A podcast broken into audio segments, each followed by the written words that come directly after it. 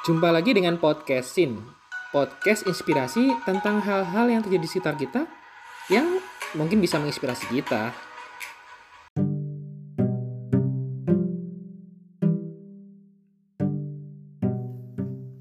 Nah, dalam episode kali ini saya ingin berbagi tentang investasi diri.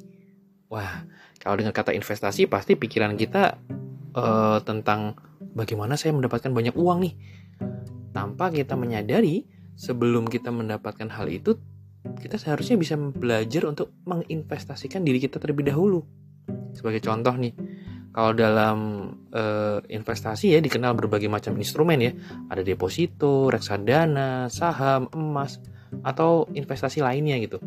Tapi sering kali kita tidak mau belajar untuk menginvestasikan diri kita, tapi langsung terjun ke dalamnya.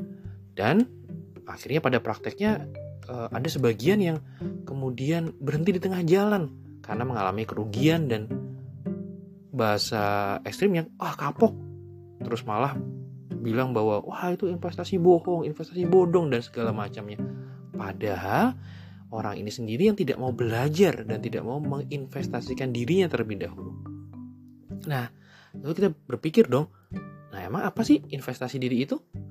Yang saya pahami dan yang saya ingin bagikan adalah investasi diri itu adalah bagaimana kita mengisi pikiran dan diri kita terlebih dahulu dengan berbagai informasi.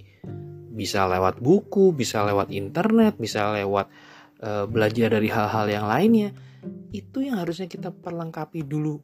Ibaratnya nih, kalau tentara mau berperang atau pasukan mau berperang, tentu mereka akan memperlengkapi dirinya terlebih dahulu dong.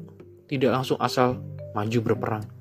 Jadi, ketika seseorang ingin berinvestasi, maka hal pertama yang harus dilakukan adalah mari menginvestasikan diri terlebih dahulu.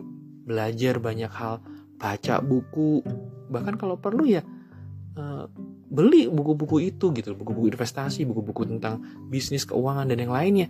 Supaya pikiran kita eh, apa yang kita pelajari kita bisa lengkap.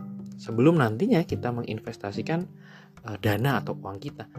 Nah ini yang menjadi hal yang saya bagikan. Secara pribadi juga pengalaman diri saya sih. Jadi ketika saya berinvestasi eh, tidak berhenti di tengah jalan karena apa?